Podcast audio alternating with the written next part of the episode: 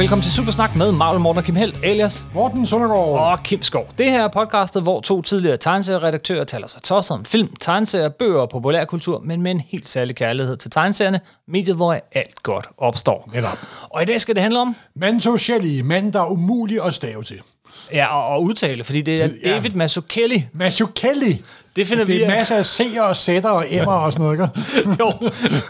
og øh, hvorfor skal vi snakke om ham? Ja, det er jo fordi, vi har jo lavet en julebatkalender igen, som vi altid plejer at gøre. En adventskalender. En adventsbat julekalender. som kommer øh, ja, på søndag. Er det jo første søndag i advent. Simpelthen. Ligesom sidst, da vi lavede Dark Knight Returns, har vi Thomas Thor Hauge med som gæst. Ja. Vi skal snakke om Batman Year One. Nok, ja. Hvis jeg skulle have blad med på en øde ø, så blev det sgu nok den. Men for at ja, gøre os klar og finde på, julegaverne siger. frem og gøre det hele klar til juleaften, så skal vi lige have et deep dive ned i en af de to øh, folk bagved. Fordi Og det sidste... meget deep og meget dive. Det gør det. Sidste gang, sidste år, da vi lavede øh, en firedelt adventskalender om øh, Frank Miller, så brugte vi et helt afsnit på Frank Miller og alt, hvad han havde lavet. Ja. Den her gang skal det handle om David Mazzucchelli, som både tegner Batman Year One, men sandelig også er medforfatter og medplotter på den. Det må man sige.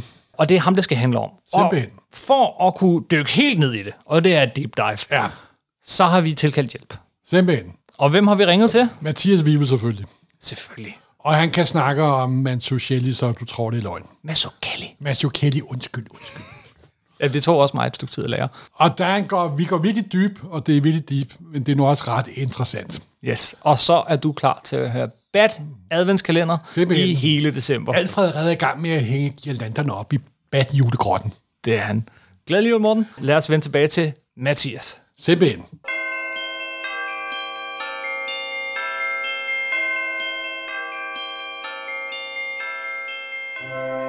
Og vi har indkaldt eksperten over alle eksperter. Det har vi. Mathias Wiebel, udlånt for Radio Rackham, simpelthen.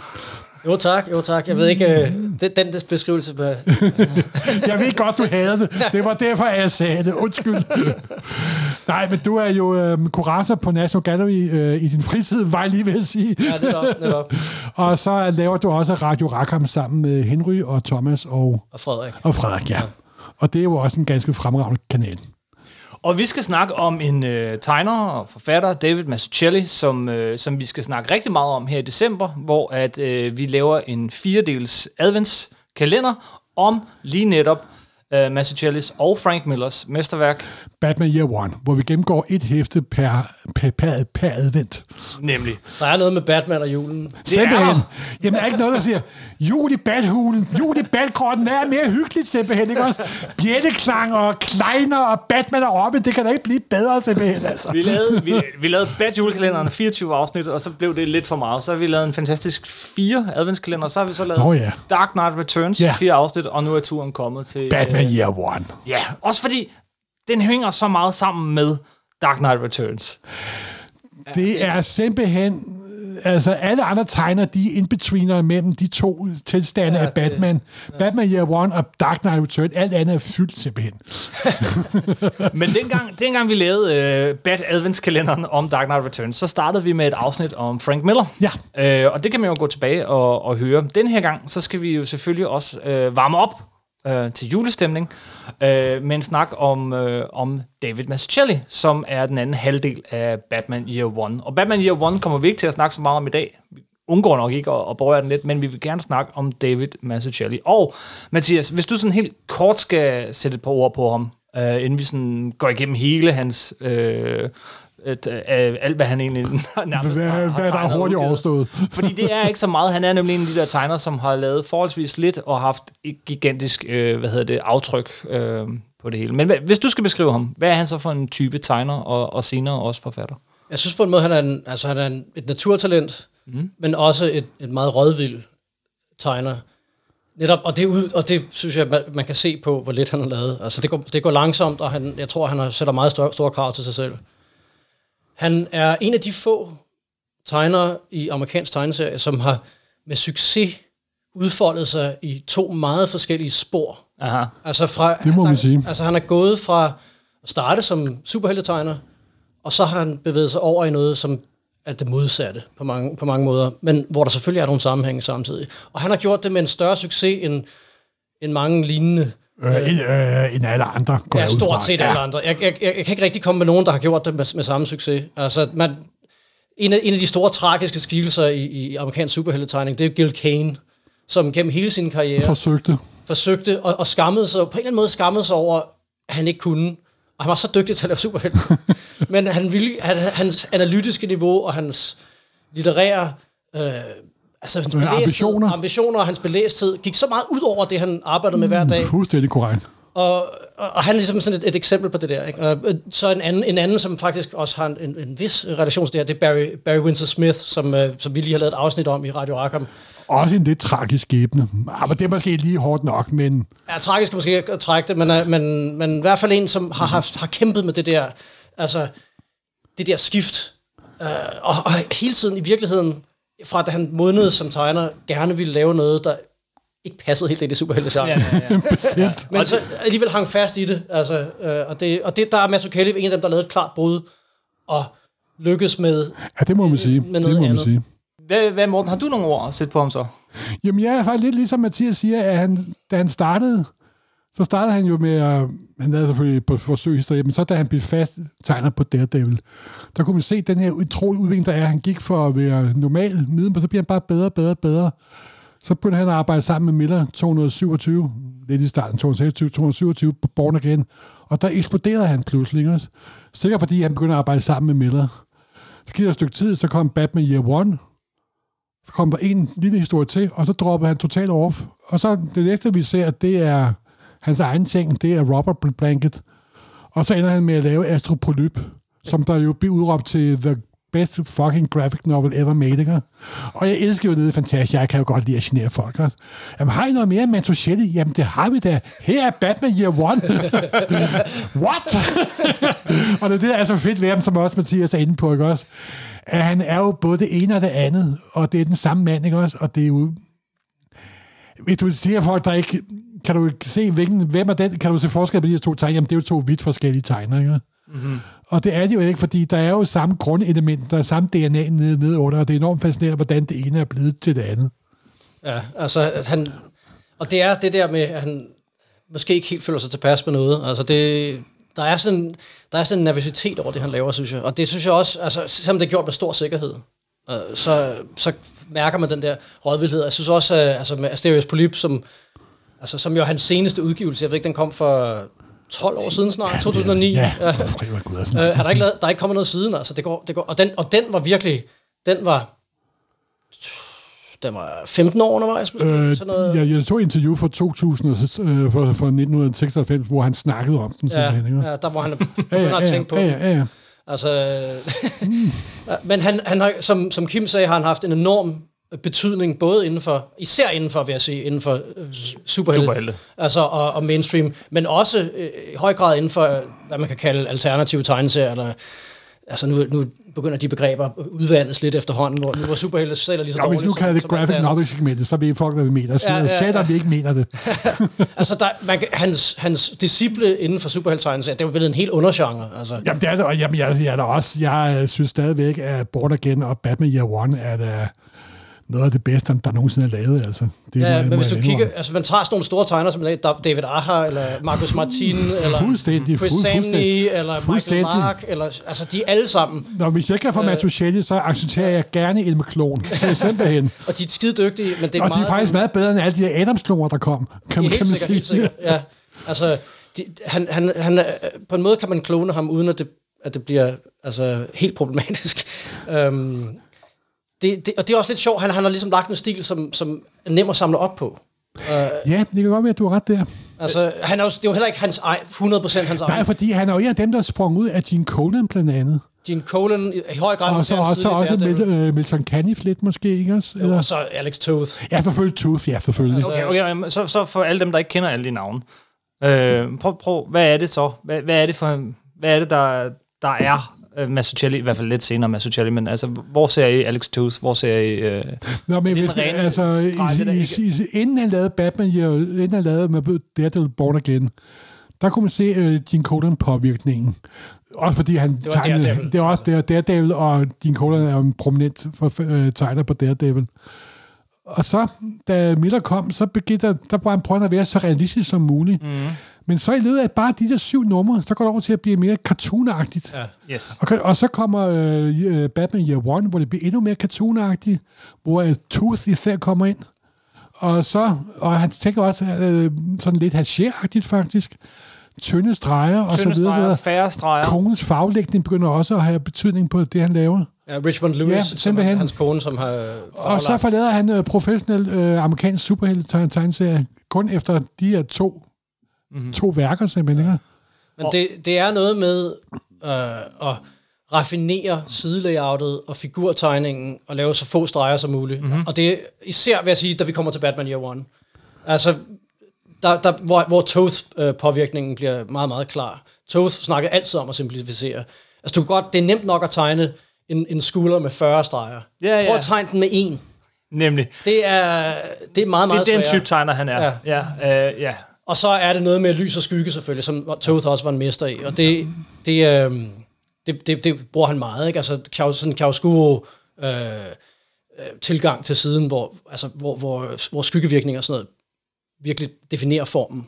Og, og det har han, der, jeg, der er Gene Colan jo også vigtig. Altså, øh, Og så også det, at han arbejder sammen med Frank Miller. ja. Og det er helt sikkert, at han, åh gud, det er Miller, så må jeg hellere lige øh, up my game simpelthen. Ikke? Og det, at det bliver utroligt, lige så snart han begynder at arbejde sammen med Miller, bliver det også meget mere stramt. ja. Bliver det ikke så løst, som da han arbejdede med Daniel Neal det der ja. år, inden han varmede op til det. Men lad os, øh, okay, lad os øh, skrue, skrue tilbage til begyndelsen så. Mazzucchelli, han er, ja, han er 60 år nu. Ja, han er født i 1960. Mm, 61. 61, sorry. sorry. Og øh, må det jo blive. og øh, øh, og vi, vi ser ham, han begynder forholdsvis ung, med nogle sådan fill-in numre hos Marvel. Og, og det er vel første gang, vi ser ham, det er vel på Master of Kung Fu, eller... Ja, I slutningen af Master of Kung Fu Run, det er i slutningen af 70'erne, der kom der nummer 121. 121. Ja. Og det er et blad, der giver håb til alle, der tror, at de ikke bliver gode tegneserietegnere Det er engang. Fordi det er virkelig Gud. Jamen, det er jo samme niveau som mig, så jeg kan jo sagtens blive Mattuchelli engang. Altså, Men, det, øh, det, vi det synes jeg så alligevel ikke om helt... Ja, der kan jeg jo mærke, at du... Ja, det synes jeg ikke. Altså, man kan allerede se der hans sans for storytelling fra billede til billede, og hvordan han kan komponere de enkelte billeder, så de, så de flyder sammen, og, mm. og der kommer en dynamisk øh, historiefortælling. Han er meget interesseret i bevægelse. Altså, så er det jo Og et godt sted at starte med ja. Master of Kung Fu. Ja, altså skildrer bevægelse. Altså, det er, ikke, det er jo ret primitivt i forhold til, hvad han, især i forhold til, hvad han laver senere, men, men man, jeg synes godt, man kan se det allerede. Okay, okay. Altså, og der er en enkelhed i formen og sådan noget. Altså, det er du er allerede... mere positiv med mennesker, end jeg er. Ja, der, ja, altså, det er ikke noget mesterværk, men det, det er værd, hvis man, hvis man har, hvis man har Marvel Unlimited. sådan Man kan godt se, se starten. Der. Man kan godt se, at det, Ja, det synes der jeg godt. kommer noget Ja. der. Ja, okay.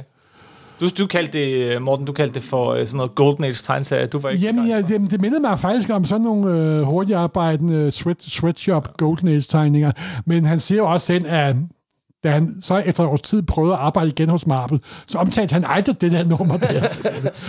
og så kom han ind, og så lavede et par ting, og så bliver han fast tegner på Daredevil. Ja, der var, lige, der var noget Indiana Jones og, Og lidt Star Wars her og så der. videre, så videre. Men, men, men, øh, men han, han starter på, på Daredevil, og det er, jo, det er jo ikke så lang tid efter Frank Miller har forladt serien.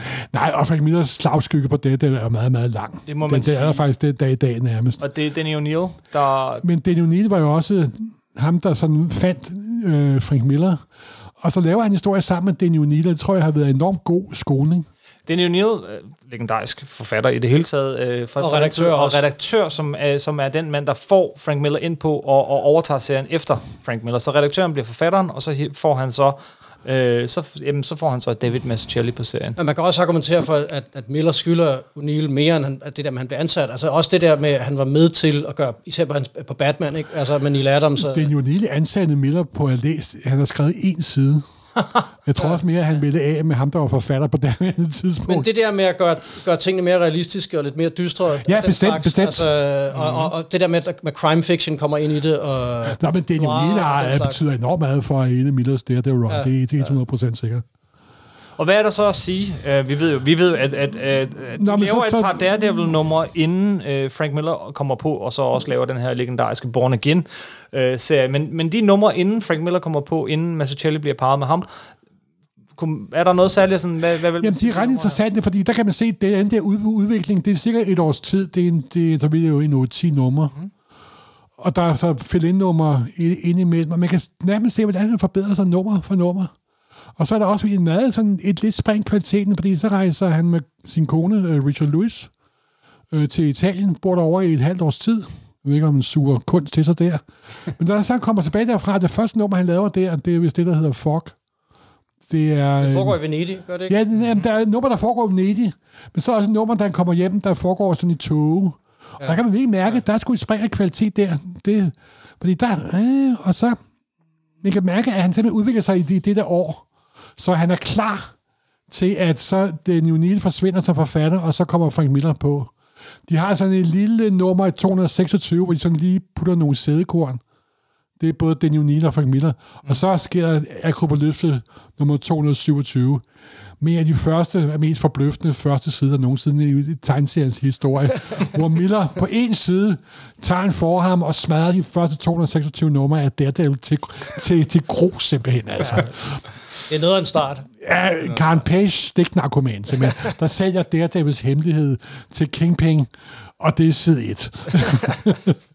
det er en... Øh, den, det skal vi næsten dvæle lige et øjeblik ved. Øh, Born Again. Det er jo den er fantastisk øh, opbyggelse. Men jeg vil hellere ja, høre dig, Mathias. Det er en fantastisk... Altså, jeg vil sige, hvis vi starter med Matthew på den, det er klart, at, at han, har, han har skulle op sig, og har vildet op sig med, med, med Miller, og jeg tror også, at de havde et vist de snakkede ved, samtalede en del om scenerne, og hvordan de skulle laves og sådan noget under, under processen, så vidt jeg kan forstå. Øh, Miller insisterede på, at der skulle stå by Frank Miller og David Mantuchelli, ja. og ikke hvem der var tegner og hvem ja. der var forfatter, fordi de havde ret til at samarbejde. Ja. Og, og det, det han virkelig gør, synes jeg, den, og det han viser sig som New Yorker, øh, i hvert fald på det tidspunkt, jeg ved faktisk ikke, om han er vokset op i New York, men... Øh, jo, jo, det er han. Det er han. det. Han har i hvert fald New York under huden. Han kan. og han, ja. og han, hvad det hedder, og han har i hvert fald bo, han har boet der øh, forever, altså, men han, han tegner virkelig New York i den serie, altså som New York i 80'erne, med og det igen, det kommer lidt ud af, ud, ud af Miller, men han har en mere, ja. han har en mere stoflig tilgang. Jeg synes, det er mere atmosfærisk mm. end, end Miller. Altså, altså ja, det er jo ser Hell, Hell Kitchens, ja, der ja, ja. på det tidspunkt var i rigtig slumområde. Og det beskriver han, han er altså ret godt. Ja, den der, fantastisk. Øh, altså. den der elendighed, der præger gaderne simpelthen. Ja. Trøstesløsheden simpelthen. Ja, altså han kan virkelig, han kan virkelig give tekstur til, til sine bybilleder. Og, og der er en fantastisk... Også der i første nummer, hvor Daredevil bor i sådan et, fanta- et fantastisk øh, penthouse, penthouse. Ja, penthouse lejlighed. Uh, Brownstone House. Ja, ja, ja, altså et eller andet sted i, i jeg ved sgu ikke, i, altså nord for Houston.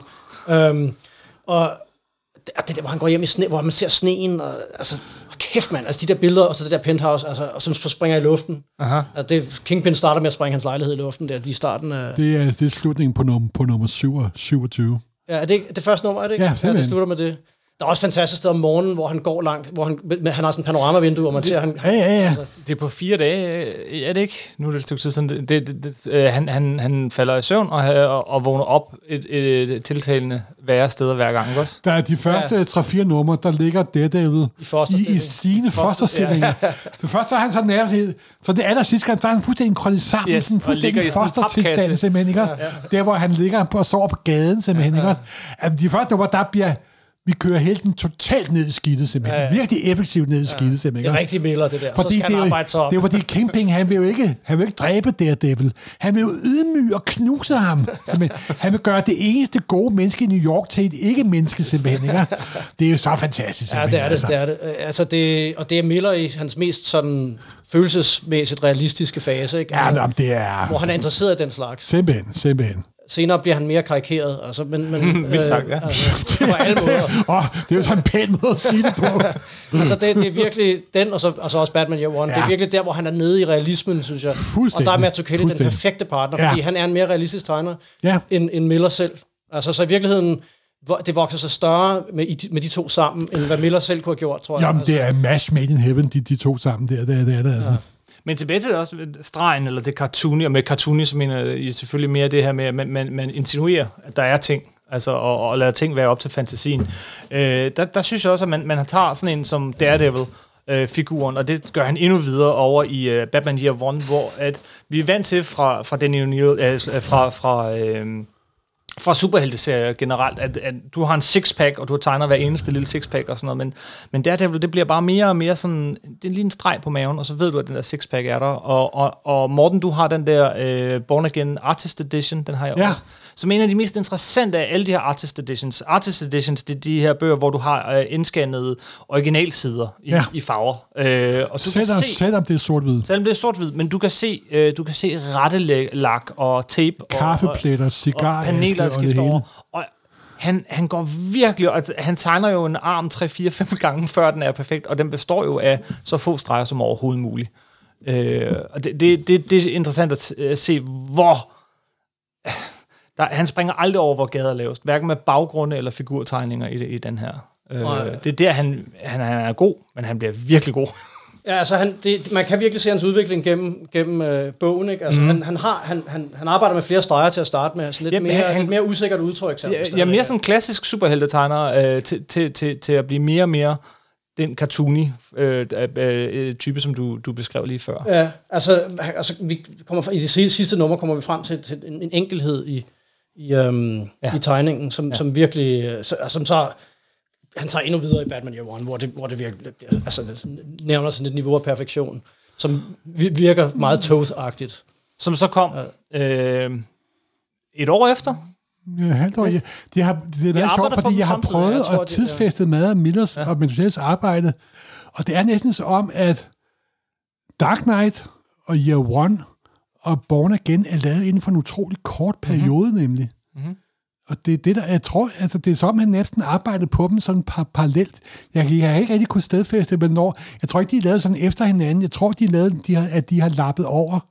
Så Miller har haft sammen med Mantuchelli sådan en utrolig lille, kort, meget intens kreativ per- periode.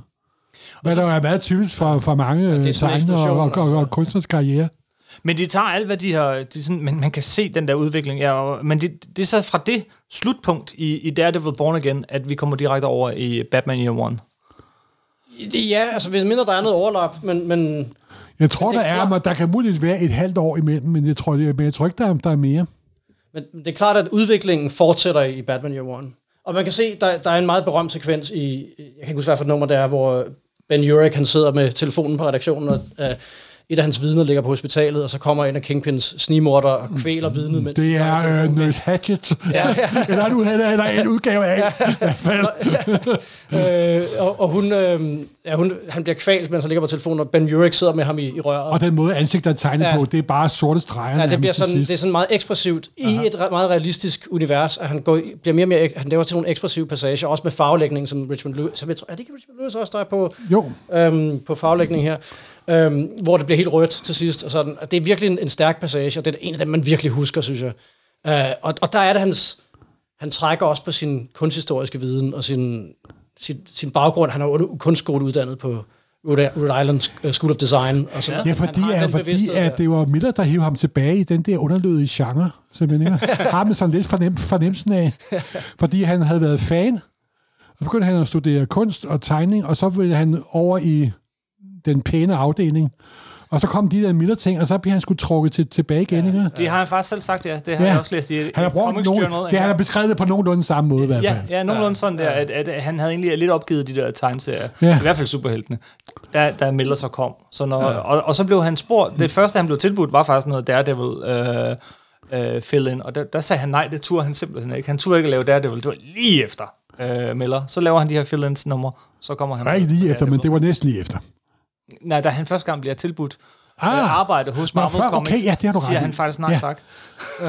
så, så det er alligevel, det, det har vel nok været sådan lidt drømmesamarbejdet for ham. Har du ikke lyst til at tegne Delio nummer 192? Skal Men- bare ignorere men- de sidste to år. Men vil du ikke uh, lige sætte lidt flere ord på det, der du siger, at man kan se hans, uh, hans inspiration og, og hans klassiske... Altså, der kommer sådan noget, der kommer sådan noget øh, tysk ekspressionisme og vinerskole og den slags ind i, ind i den der, spe- specielt den der sekvens. Og det er ikke noget, han sådan udfolder i, i stor stil i hverken øh, Daredevil eller Batman, men det kommer så, når han laver Rubber Blanket. Ja. Hvor, hvor det bliver enklere former, en mere rustik streg, og sådan meget forsimplede øh, figurtegninger, ofte med, med sådan maskeagtige ansigter. Okay, men så lad os ikke uh, springe... Og så vil jeg lige sige, så er der også et Pieta øh, der bestemt, element, ja. Altså, som der øh, næsten bør være i en mere Den, den superhelteserie. katolske... Øh, hvad det hedder... Det er moren, den katolske nonne. Den, ja, Tag imod det, den. Det, det er to små to ka- ka- katolikker, der går i Ja, barndom. simpelthen. Miller og Matukelle. Ej, det er også en fantastisk sekvens, der hvor, hvor, hvor Matt, altså Matt Murdock, der der er helt nede i, i sølet, og så Ja. kravler han ind på sådan et herberg, og så, ja. og så Og så er det hans Og mor, der er katolsk nonne. Ja, som, som, som, så, så, så er der sådan et, et, et, altså et direkte citat fra Michelangelos Pieta, Ja. øh, hvor, hvor solen strømmer af, for den får ikke for lidt. vel? Ej, det- den får får ikke, får ikke for lidt. Men, det er virkelig også det der, altså Mi- Miller han kan patos, altså det, det kan han. det, det må man sige, og det kan så Mazzucchelli også, det er ikke noget, han ellers gør sig så meget i siden. Mm. Jeg tror, det er, det, det er Miller, der bringer det frem i ham. Fordi, Ja, han har nok synes, det måske var lige over the, the top, tror, tror du ikke? jo, jo, der, jeg kan ikke komme på noget, han selv har lavet, der er sådan. Altså. Nej, nej. Men nogle gange skal der også talent til at være over the top, simpelthen. Ja, ja, ja, og Miller kan det, så det virker, så det går rent ind. Ikke? Altså, Simpelthen. øh, især i den, i den periode. Hvis- Hvis du, øh, nu kommer vi jo til at snakke en hel masse om Batman Year One, øh, men, men, men jeg vil gerne høre dit take på den. På Batman Year altså, jeg, vil- altså Batman Year One er jo sådan en perfekt tegneserie på mange måder. Altså, den er, den er så den er så økonomisk fortalt, mm. og, og har sådan et drive, du kan ikke lægge den fra dig. Altså, den, altså det er noget af, noget, en af de største page-turners, jeg kan komme i tanke om i den for tegneserie. Den er så... Altså, man kan, hvor, hvor Dark Knight Returns, som jo blev lavet samtidig, som Miller selv tegnede, er et meget mere, øh, på en måde ambitiøst på, og, og sådan vidtrækkende værk, og har meget mere, der er meget, mange flere skarpe kanter, og, og, og, og, og simpelthen øh, mere kompakt i, i opbygningen, der er mange flere billeder, og meget mere tekst og sådan noget. Så, så det her er noget andet, det er, det er meget, meget, meget rent, altså, mm. og, og, og, og, og sådan, der er blevet, der er blevet skåret ned, til, til, skåret ind til benet i forhold til fortællingen, og hvor vi vil hen med den. Og det er meget skægt. Altså, jeg synes selvfølgelig, at, at Dark Knight Returns har, har mere at byde på i sidste ende, men, men den her er bare så perfekt. Altså, den... Og, ja, den, og det er måske højdepunktet. Jeg ved ikke... For mig er Born Again nok i virkeligheden følelsesmæssigt stærkere end, end Batman Year One. Jeg, tænker, jeg synes, Batman Year One går lidt mere over i i, øh, i crime fiction og noir på en måde, hvor den slipper lidt, måske den, noget lidt af den der patos, altså den har noget af det, men den har ikke så meget som, som øh, øh Batman, eller som Daredevil Born Again, som jeg synes faktisk lever meget i kraft af den der patos. For mig er den følelsesmæssigt stærkere. Det er klart, at Batman Year One er altså på, et, på, altså på et niveau, et fortællermæssigt niveau, og, øh, der er højere end, end, end stort set alt andet på det tidspunkt. Um, men jeg, jeg, jeg synes altid, måske Batman jo, for mig, er det er måske ikke, det, for mig er det ikke højdepunktet. Altså i, i hverken Millers eller Mazzucchellis karriere, selvom det naturligvis er et mesterværk. Og det er sjovt, fordi det er det for dig, Morten. Ja, det må jeg jo om. Altså, hvis der er den her tåbelige spørgsmål med den eneste ting, du skal med på den berømte øde ø, så, så bliver det Batman Year One. Ja.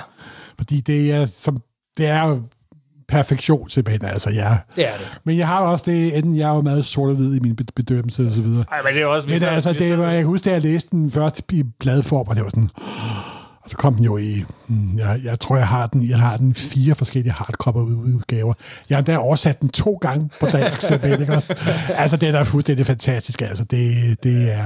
Det er det der, hvor du ikke kan sætte barberblad ind noget sted. Jamen, det er jo det. Ja. Du, altså, dengang jeg manipulerede med alle de uh, marbelbladene, der kunne du, hvis det var McFarlane eller Gud forbyde det en uh, lige lige historie, så kunne du lige flå 40 sider ud, der skete en skid. Jeg vil sige, når det var en lige Her- historie, så flød du det hele ud. for Ja, det ja, det er noget helt andet, men Millers, det er så skarpt, det er så præcis, det er som en laserstråle, der æser sig ind på siden. I, så det, især i den her periode. ja, men altså, og især det, med den. Altså, Ja.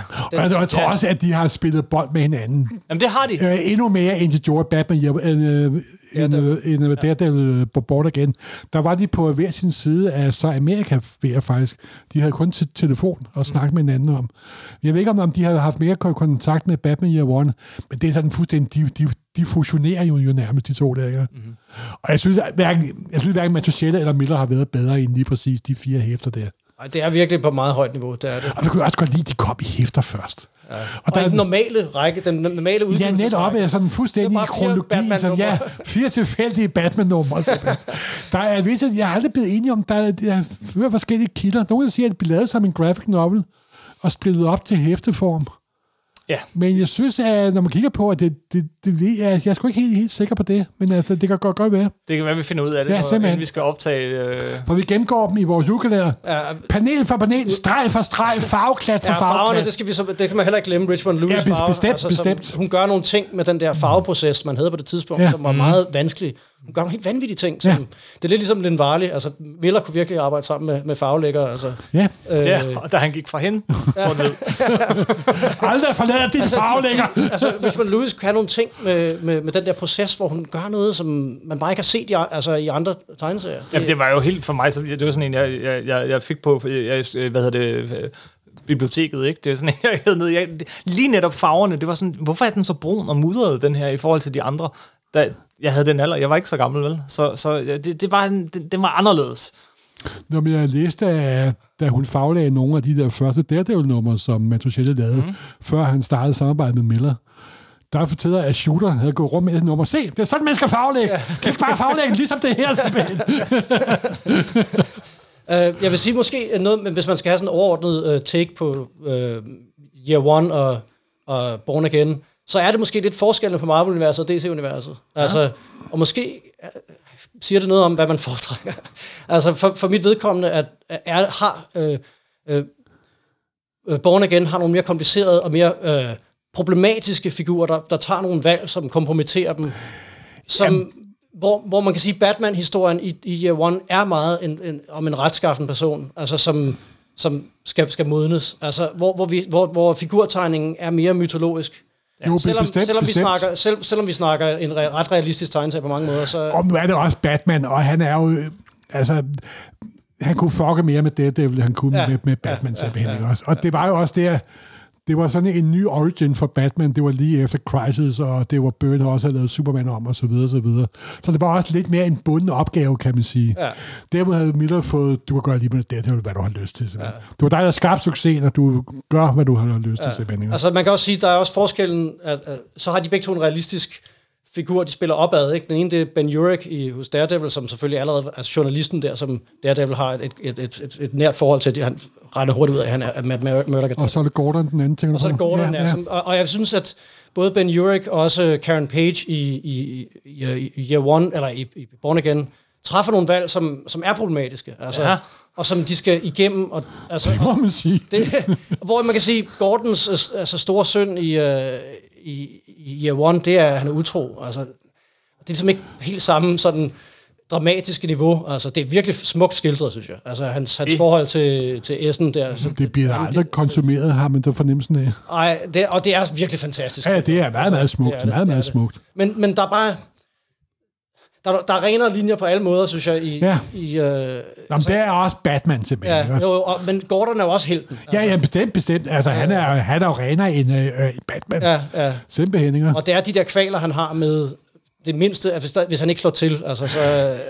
Jo, men kan- Gordon er jo den der rene held, der kommer til den forsumpede by, ja. og hvor hans renhed gør byen ren simpelthen. Ja, ikke også? ja, altså. ja. Og der er Miller allerede over, altså over i det der lidt mere mytologiserende, som han selvfølgelig i, i Dark Knight Returns i høj grad også Ja, ja, med. ja, ja. Og senere hen, det var ude i, i en karikatur i Sin City og alt muligt andet. Og så bliver han karakter på sig selv til sidst. Ja. Ja, Nå, Vi kommer det til er at ikke for at rakke stakkels Miller Miller ned. Ja, vi får snakket meget med Miller og, og, og Year One. Ja, Øhm, til folk for, for meget nærmest. Men, det hvad- var da vores jule- julekalender. Hvad skete der så med Mazzucchelli efter Year One? Eller, øh, og Born Again? Ja, så lavede han en lille øh, professionel, kommersiel Marvel-ting til. En lille historie i Marvel Fanfare nummer 40. I den sekvens, hvor Angel mister sine vinger, før han bliver til Archangel. Og det er en meget poetisk historie på en 8-10 side. Mm. Og det er meget sjovt. Der kan man se, for eksempel er der en øh, ældre kvinde i den serie, og der kan man se, hun er tegnet på næsten samme måde, som Astropolyp er tegnet 20-30 år senere. Og der kan man se, der er han allerede ved at flytte sig væk fra kommersiel superheltserie over til sin egen helt personlige stil, simpelthen. ja, det var en idé, han havde haft i nogle år, som Annocenti havde hørt om.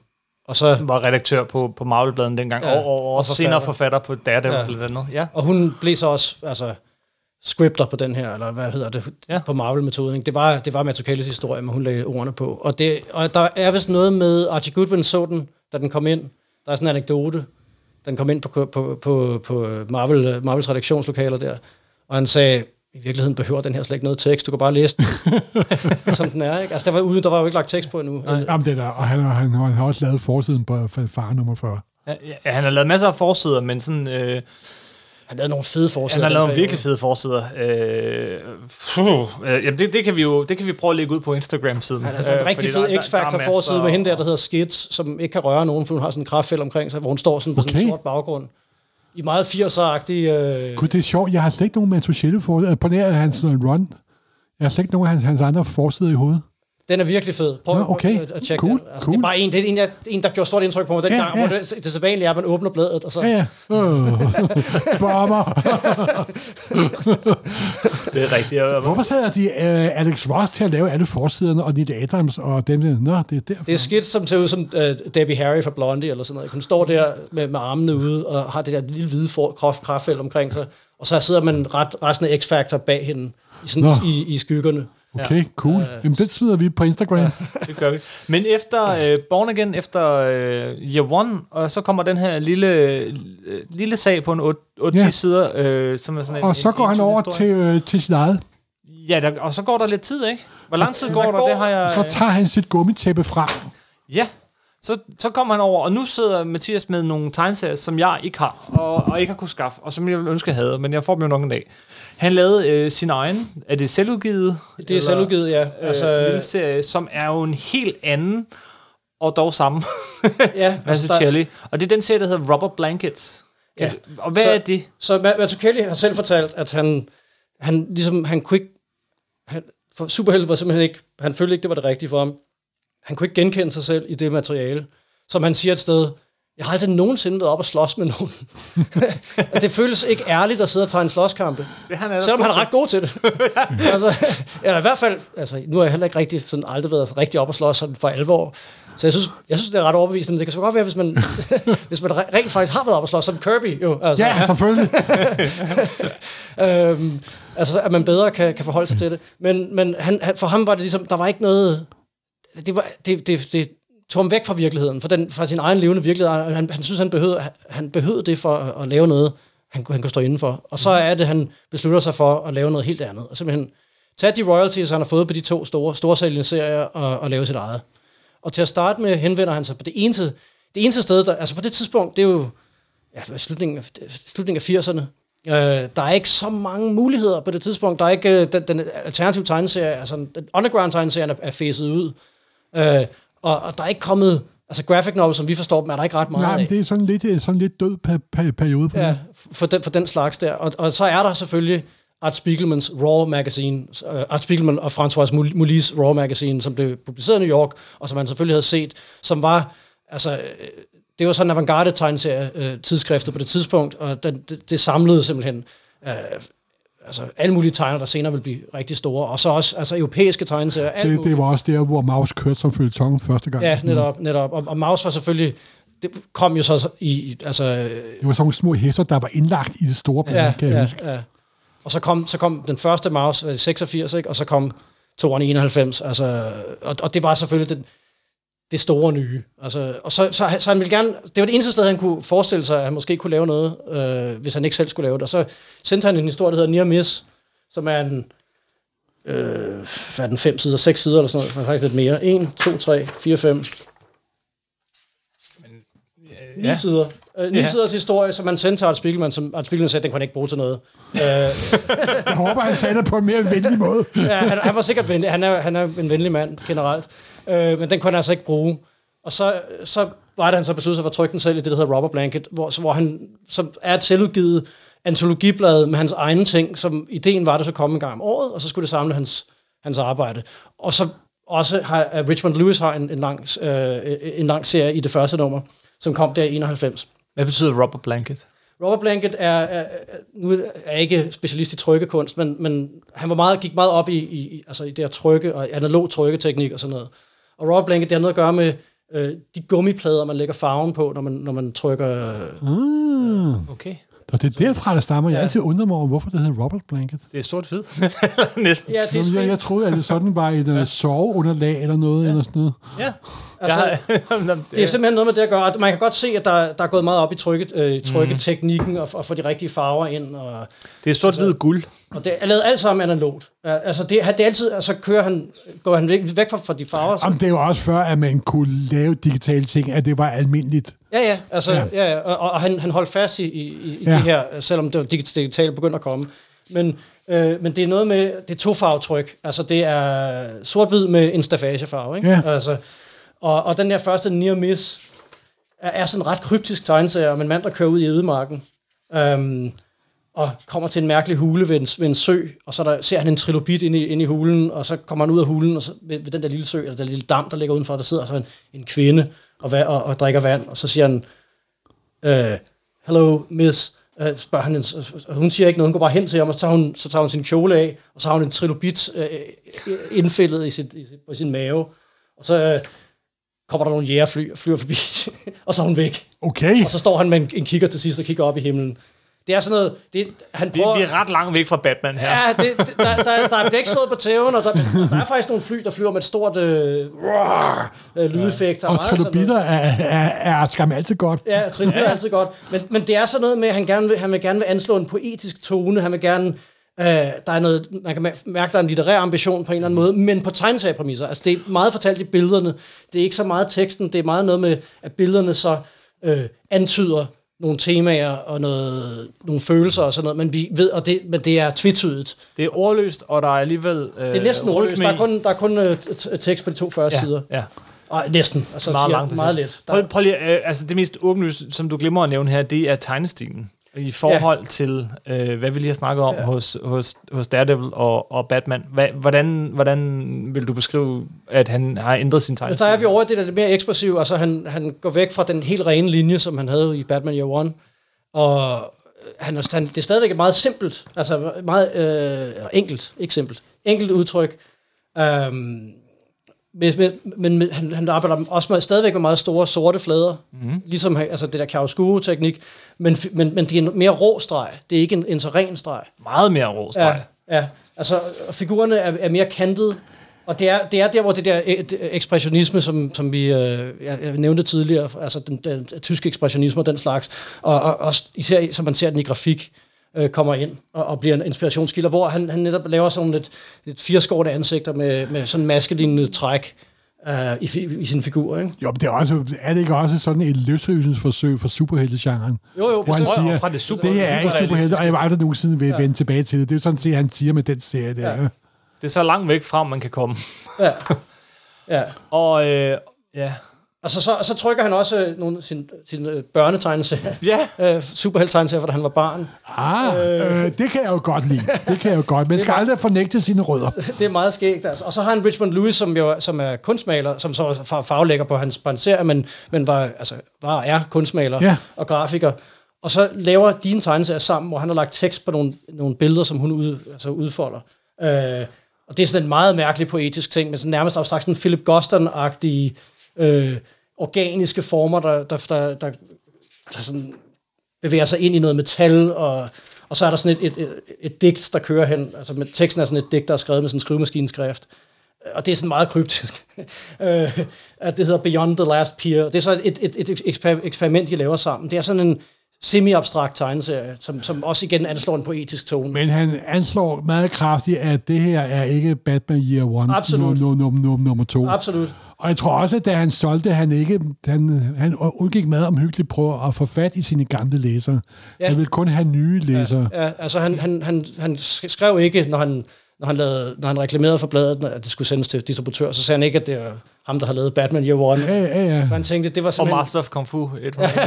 altså, han havde jo et navn, altså, og han fik masser af tilbud, selvfølgelig fra Marvel og DC, Ja, ja, ja. og men han, han lavede det her i stedet for, og han, han prøvede ligesom at, at distancere sig så meget, at, det, at folk ikke vidste, det var den samme person. Ja. Nå, men Øh, en almindelig øh, læser vil jo heller ikke kunne se, at det er, det er samme, samme tegner, vel? nej. Altså simpelthen. nej. det var ret vildt, jeg kan huske det, da Ja. jeg først hørte om Rubber Blanket, og tænkte, wow, det er den samme. altså, det, det, han, Jamen, jeg kan er gået selv huske, da da jeg stod og bladede igennem, da det kom, altså. Tænkte, ja. åh, wow, det er Det kan han også. det, det ligner jo ikke Batman Year One, tænkte jeg til mig selv. Så der, han laver også øh, vittighedstegninger, altså med sådan nogle små, øh, sådan nogle øh, avisstribe-type figurer, Mope and Grope, som har ofte sådan lidt politiske, lidt øh, socialpolitiske øh, kant. Altså, der er en, øh, der er altså Moben Grove, som øh, der er en af figurerne, han går hen til, der han går under en pyramide med et øje på, så kommer han hen til en, en, en, en dør, hvor der er en knap og en stor pil, så trykker han på knappen, så kommer der en masse jægerfly, der, der tonser gennem himlen og bomber, eller smider atombomber ned et eller andet sted ved horisonten. Og så kommer, så, så kommer den anden, Moben Grove, jeg kan ikke huske, hvem der er hvem, han kommer hen, så siger han, what's it say? Så kigger han på, på den seddel, der kom ud af der, hvor knappen trykket. Thank you for voting. det er... Øh, ja. det er jo meget præcis, må man sige. øh, og, og så er der, synes jeg, altså, det, det, det, det, den væsentligste tegneserie i, i det første nummer, det er den, der hedder Dead Dog, um, som handler om en, en, en ældre kvinde et sted ude på landet, et hus, som sidder og piller en, en, en hvad hedder det, en uh, artiskok og drikker te, og venter på en mand, der kommer igennem døren, og så går de ind i, det tilsynende lokale, hvor der ligger en gammel dame, der er ved at dø i sengen, med en masse fotos omkring sig. Hun taler om de her fotos, og der er hunde, hendes hunde, forskellige hunde, hun har haft gennem livet på de her fotos. Og så øh, er der forskellige snak, og så snakker de om, det er lidt uklart, hvem deres forhold til den her dame, om de er, om, om de er tre generationer, altså om det er mor, øh, og, og, hvad hedder det, mor og datter, og, og så datter en søn, eller om, om de er brødre, de her to, som, som tager sig af, af, af damen. Og så begynder de at snakke om sådan noget med, med tid. Og han er meget interesseret i, i repræsentation af tid. Jeg tror, det er noget, der kommer af, at, øh, at selvfølgelig tegneserien er jo på en måde en kortlægning af tid, altså på, øh, med brug af rum, altså siden af, af rum, og, og, og, og tiden går på, på siden. Altså man, man, det er alt sammen, mm. man kan se det på én gang, fordi det er en tegneserie-side, som er statisk. Ikke? Øh, og så, så jeg tror, at det er noget af det, der, der bringer mig Og der, der er også noget, der, der ligger rumster for Watchmen, det der med Alan Moores, øh, et af Alan Moores øh, besættelser, det er det der med, at, at tid er, er en illusion, og det alt sammen foregår samtidig, og hvordan... Og vores jo, men der er tegneseriemedia er jo det, de bedste tidsmanipulerende medier præcis, af alle præcis. Øh, og han siger her, der, der er sådan et, et citat her, øh, ham, ham manden, der sidder, de sidder og drikker te, øh, så siger han, um, at det er sådan noget med, at, at, at fortid og fremtid, så siger han, I'm talking about the way past and present are commonly seen to be connected linearly. As if history were a stream which, in which one gets in to swim before, for a while before drowning, and not the wind brushing like sandpaper across your face, or the insects crawling under the house, or the smell of your own feces in the toilet. You know, to kill time means to engage in some easy, amusing activity that will keep us from getting bored while we wait for something to happen. But in fact, we actually do kill time by doing that. Og så snakker han om Newton og alt muligt. Altså, der kan man godt se, altså, altså sprogtonen her er også over i noget litterært. Altså, han, han prøver også med sit sprog at lave noget, der er meget langt fra Miller. Mm. og så, og så også meget ambitiøst. Ja, ja, ja. Og, og så, så er det så, at, at, at damen dør og skal begraves, og, og så er der noget med, med, med de der fotos og hvad de betyder, og så kommer der sådan, meget, sådan en nær, nærmest Tarkovsky-agtig sekvens, hvor, hvor øh, altså, ikke, ikke den gamle dame, men den, den, den midaldrende dame, sidder ved, et ur, hvor der, hvor der vælter vand ud af, og, og, og, og der rummet bliver oversvømmet. Hun, hun, hun, øh, hun svømmer væk i eller ja. sådan bliver skyllet væk i den her flodbølge, der kommer ud af det her Bornholmer-ur. Uh, mens mens uh, at, at manden er ude at begrave uh, den gamle dame, og med alle de der fotos med hundene, og alle de andre hendes, hendes fotos. Og så, så er det så, det slutter med, at damen ikke kan, hun kan ikke, huske, hun kan ikke selv huske, hvem, hvem hun er, og hvem, uh, hvem manden er. Om, om, han, han kommer ind igen, og så siger han, er du min bror eller min søn. Hvad er det med Alzheimer, tror Ja, jeg tror, det, det er en ja, Alzheimer, ja, ja, ja. Det er en Alzheimer-allegori. Altså, ja, ja, ja. Han prøver at beskrive Alzheimer, og, Nå, og, og den var... opløsning af tid, der kan have, når man bliver gammel. Han prøver både, både alderdom og Alzheimer, tror jeg, han prøver. Og, og det der med, at man, man lige pludselig ikke kan skelne mellem fortid og nutid, øh, og, og, og fremtid på en måde. Altså, synes du, at serien indfrier sine ambitioner? Eller øh, overreacher han? Jeg synes, den her er ret effektiv. Der, ja, okay. Hvis der er andre, der, altså, jeg synes, den har en, den, den, den, den er meget overbevisende, og jeg ser, hvor den er overbevisende på, på den tid. Ja. Øh, og jeg synes faktisk, det er en af dem, der holder bedst uh, af de her. Okay. Det kan man være uenig i, men, ja. men altså, jeg synes, den har på en måde, den, den har det der, den, den bliver ikke overdetermineret i forhold til at sige, det her det handler om Alzheimer, eller det her det, det er lidt mystisk. Ja, ja. Øh, og, det, og det prøver at give følelsen af, hvordan det er. Nu har han jo ikke selv prøvet det, men sikkert, han har sikkert haft en ældre relation eller sådan noget, som hedder Alzheimer eller noget, og prøve at beskrive den op, op, oplevelse, det er at snakke med nogen, der, der har mistet grebet om tiden. Simpelthen. Og der er en anden netop i toren, hvor han også er inde på noget med, med sygdom og sådan noget. Det er sin, hans egen astma, som også starter med, det er så i, Robert Blanket nummer to, hvor, som hedder Air, som, som så handler om, øhm, om hans astma og hans, hans, hans oplevelse af, af luften som, som, som en fjende på en måde. Altså fordi det er alle de partikler, der er i luften. Og så er der en meget, altså så, så er han så beskriver sådan en meget symbolisk, sådan nogle ikonografiske øh, øh, tegninger. Um, hvordan det føles, når, der, når, når alle de her ting kommer ned i lungerne, og, og, og, og, han, han, og hans, øh, hans svælg, det, det lukker sig. Og så er der en fantastisk sekvens til sidst, hvor han netop får et anfald og falder om på trappen. Og det er simpelthen selvbiografisk. Ja. Så siger han, I did make it, så bliver han kørt på hospitalet. I did make it to the hospital, courtesy, courtesy of some neighbors and the volunteer ambulance corps, corps, corps, and I didn't pass out. But I can't forget the panic in their voices. Så ser man uh, hans søn sige, Dad! The fear in their eyes. Så er det, så er det hans kone Richmond, der siger, Help! What it is, of course, is love. Og så ser man Richmond, der, der kigger ham ind i øjnene, og også ind i øjnene og siger, David. Okay. Er fantastisk. Altså, Okay, okay, okay. Fanta- fa- det, det synes jeg er fantastisk, altså. Det, øh, og så er den, den krydsklipper til nogle hans, hans børnetegneserier. Ja, Men, men, øh, og, og, så, og så kommer der et miljøtema ind, og så kapitalismekritik og sådan noget, så, hvor han bliver lidt håndfast. Men altså, han, han, er, han, er, han er vegetar og, og meget miljøinteresseret. Så det er også en del af, hvad han, hvad han laver.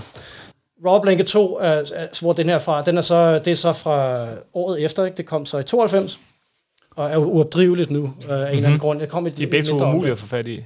Ja, det er mest træerne, man kan få fat i. Øh, men det er sådan, når han, når, han, når han prøver at lave noget følelsesmæssigt, er det stærkere, end når han prøver at lave prøver at, at, at tegne idéer, synes jeg. Så, så toren har, toren har også øh, nogle forskellige andre hans tegnervenner og sådan noget i. Det skal vi, behøver vi ikke komme så meget ind på, men det er sådan en antologiblad. Og så kommer træeren, som har endnu mere den slags, hvor der også er andre i. Og den har, synes jeg, hans, nogle af hans bedste tegneserier nogensinde, øh, træeren. Og især den, der hedder Big Man, mm-hmm. som, øh, som, som handler om nogle børn, der er nede og leger på stranden, og så er der en tømmerflåde, der, der skyller i land på stranden, hvor der ligger en kæmpe mand på, som er suget fast på den her tømmerflåde, han er, bev- han er bevidstløs. Så prikker de til ham med en pind, og han viser sig at være i live, så bliver de bange og løber hjem og henter deres forældre, som kommer ud. Og så er det så de forældrene, som helt, det er helt klart stadig ude på landet, langt ude på Lars Tønskeds marker. Øh, de bærer ham så tilbage til deres landsby, kører ham tilbage i deres pickup truck til landsbyen, og finder ud af, de, hvad skal de gøre? Vi må nødt til at ringe til politiet, for vi ved ikke, hvad vi skal gøre med ham. Jeg ved ikke, hvem han er. Og så bliver så i mellemtiden, fordi det er langt ude på landet, og politiet kommer ikke med det samme, så lægger de ham ind, i- sætter de ham ind i deres lade. Altså, der er en, hovedpersonen er en ung øh, bonde, som, øh, som, som så tager sig af den her kæmpe, som bor inde i hans lade og giver ham mad og sådan noget. Og langsomt, og de kan ikke kommunikere med ham, han kan ikke tale. Og han skriver nogle mærkelige, sådan, han kan åbenbart godt skrive, han spørger, om han ikke kan få lov til at skrive, så skriver han nogle, sådan nogle skrifttegn, som ingen kan forstå. Det er da som sådan nogle alien-skrifttegn eller et eller andet. Øh, og så langsomt udvikler især datteren, som, som er mentalt handicappet, eller psykisk handicappet, hun øh, udvikler et forhold til, til ham, kæmpen. De bliver gode venner og leger sammen og sådan noget. Og, og manden udvikler også et, et forhold til ham. Han, han, han øh, inviterer ham ud til at hjælpe til med at arbejde i marken og den slags. Og han bliver sådan en del af, af, det arbejdshold, som, som er i byen, altså af de, af de mænd, som går, går i marken og arbejder. Og han hjælper, og han er jo skidestærk, så han kan alle mulige ting. At der er der en, en, en, en fantastisk sekvens øh, et godt stykke inden, hvor at der er en traktor, der er faldet ned over en af, en af, de, en af de andre øh, landmænd. Og de prøver at løfte traktoren derude på marken, og det, det kan de jo ikke. Og de står sådan alle sammen, 1, 2, 3, nu prøver vi at løfte den, og den er jo pistung. Og så lige pludselig så begynder den bare at svæve, den der traktor. Og og det er så en fantastisk sekvens med sådan et halvsides billede, hvor, ja. hvor The Big Man, han, han løfter hele traktoren, og, bare, og så kaster han den, kaster han den væk.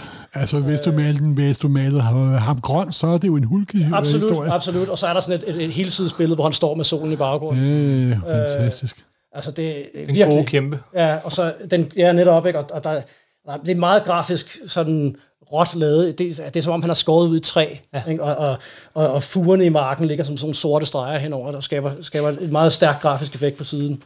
Og så er det så, at de bliver pisse bange, fordi han er så stærk. Altså, det er sådan en naturkraft, de ikke kan kontrollere. Og, han, og ham, den, den manden der, der, der øh, har med ham at gøre, øh, funderer over, hvad betyder det? Altså, hvad betyder det, når der, når der kommer sådan noget ind i mit liv? Hvordan, hvordan tager jeg ansvar for noget, jeg ikke, jeg ikke kan magte? Øh, altså, Det lyder bekendt. Ja.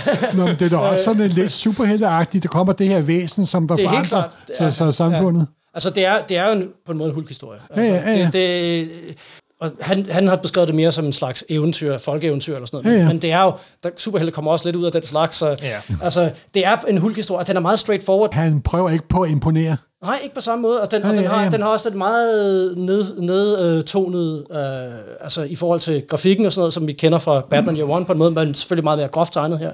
Og så prøver han at befri manden, for han ved, at politiet kommer på et tidspunkt. Så prøver han at sige, nu skal du, nu skal du gå væk, og det vil han ikke. Og så udvikler det sig meget dramatisk til sidst, hvor, hvor der kommer nogle soldater, og, og det, det eksploderer i, i, øh, i vold, fordi at soldaterne øh, er lidt grove mod hende, den lille pige, øh, som, som, som, er, som kæmpen han har, han har øh, vensk, er blevet gode venner med, ikke? og så er det så, at kæmpen lige pludselig bliver voldelig. Wow. og smadrer soldaterne. Og Det vil, flygter- og sige, hvad, ud. det vil sige, hvad Barry Smith brugte 35 år på, og, og ja. 500 sider. Ja. Det klarede man Shelley på betydeligt mindste. Ja. Ja, ja, og så er det, han flygter ud i vildmark, og der er sådan nogle fantastiske scener af, af, af sådan et efterårslandskab med, Ja. med nøgne træer, hvor de leder efter ham, og der er en brusende flod, og han er forsvundet. Ser, så ser landmanden det, det træ, det lille træ, de de plantede sammen, og så går han hjem til konen, og der er sådan en, en underlig sekvens, hvor han bare siger, gone. Og så omfavner de hinanden. Og så sidder Rebecca, den lille datter, inde i, inde i, uh, inde i, i, i laden til sidst. Øh, og, og, og, selvfølgelig knust over, at, at, at The Big Man er gået. Og så er der en, der er en fantastisk afslutning, som øh, han, han siger, øh, han siger til datteren, There was nothing I could do. It was like trying to stop a river with my arms. I couldn't even tell what was real anymore.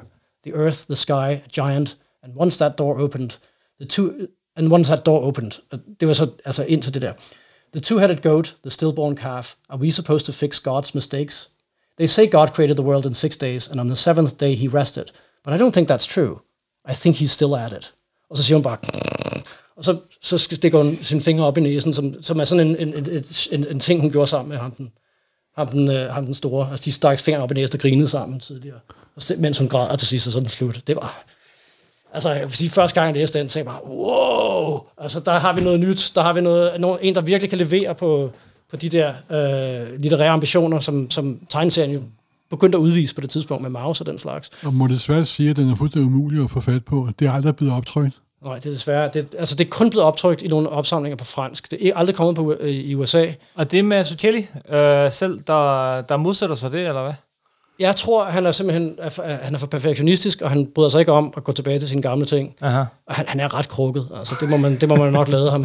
Øh, og jeg tror simpelthen, der var, øh, altså, der var rygter om, at det skulle komme på dansk for Abenmaler, men desværre gik øh, Abenmaler jo ja. øh, ned. Så, så, så øh, jeg tror faktisk, Steffen fra Abenmaler, han havde, eller han havde en, en aftale med Mazzucchelli om, at de skulle lave noget, men ja, det, det er så desværre ikke blevet til noget. Men det kunne være fantastisk med en opsamling af de her historier. Øhm, men man kan se, der er ambitionerne, der, det, det kører rundt i hovedet. Mulighederne med, med for tegneserie, tegneserien som, som udtryksform er virkelig noget, der, der interesserer ham på det her tidspunkt. Men hvor øh, Robert Blanket slet ikke er til at, at, at skaffe sig nogen steder, ikke til at opdrive, så, øh, så er det næste, han kom med, øh, nogenlunde samtidig eller året efter, nemlig City of Glass, baseret på Paul Austers New York-trilogi. Øh, første, bog i del. New York Ja, første del. Den blæste mig bagover, da jeg fandt den. For mig så var det første gang, jeg... det, jeg tror faktisk, det var første gang, jeg læste øh, Mazzucchelli efter Daredevil. efter, efter Year One.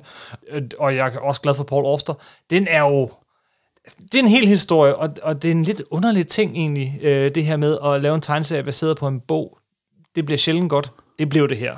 Ja, altså det er igen uh, Mazzucchelli, der gør noget, som man ikke rigtig har set nogen andre gøre i Ja. tegneserier. Han, han laver en versionering af en bog, som er, er, er, er rigtig god, og faktisk Og, og så er det jo heller ikke ham, der laver den jo Nej, faktisk. nej, det er det så ikke. Det er ikke kun ham. Det er sammen med Paul Karasik, mm-hmm. øh, som, som er et meget clever, øh, vil jeg sige, virkelig skarp. Uh, han er forfatter, han er, han er primært er han tegneseriehistoriker og underviser. Uh, okay, han har også okay. undervist en del. Han har været en af de, Nå, det, en af de det, faste det, det, undervisere det, på... det, var, det var jeg slet ikke klar over. Han er en af de faste undervisere på øh, animationsskolen i Viborg, altså i, på, på Nå, Nå, okay, okay, Times okay, Graphic okay. Storytelling forløbet. Der, der er han, Wow, wow. Og han er en fantastisk underviser. Wow, wow. Øhm, og virkelig, altså, i, i det hele taget bare et altså, imponerende, altså også og virkelig flink. Og, og, Og han, han skriver simpelthen, han skriver manus sammen med Mazzucchelli, baseret på bogen af Paul Auster. ja, så, så, så det det er, det er, at altså, Jo, det er så op, at Karas øh, har layoutet den før, ja, men Kar- så Karasik har, han kan nemlig også tegne. Altså, Ja. ja. Og Karasik, da han læste Paul Austers roman, som er fra 85 eller sådan noget, den er fra, mm. fra 80'erne, der tænkte han, hmm, og det er meget mærkeligt, for det er en meget, det er en meget konceptorienteret roman. Det er ikke en roman med, med meget action.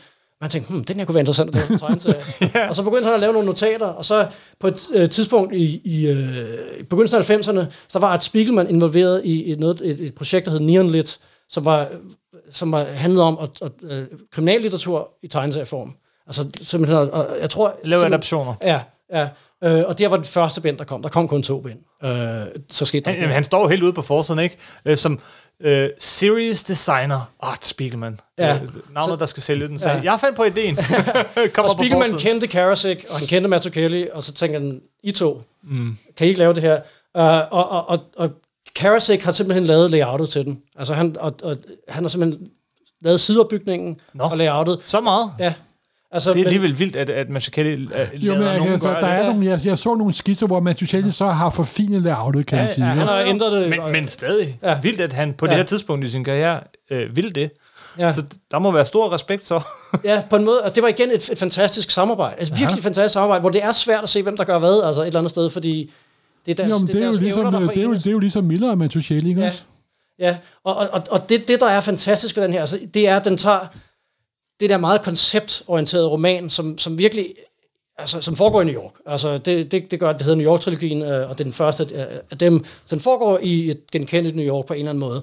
Men den bevæger sig meget, det handler meget om sprog og meningsdannelse og sådan noget, og det Samtidig med, at han prøver at køre en hardboiled Raymond Chandler-historie nedover. Ja, så, så, ja samtidig, så samtidig har den sådan, Men- sådan men- noir detektivelementer. Men det er jo alle sammen ting, som I lige har øh, siddet og beskrevet, er ting, han har lavet med Mazzucchelli. Så det ja, passer jo godt ja, sammen. altså, Jo, men det er jo også, fordi Miller sprang jo også ud af hardboiled-genren. Han er jo ikke, fra science, han er jo ikke en science fiction-forfatter. nej, nej. Ja. Han er hardboiled crime noir, ikke? Ja.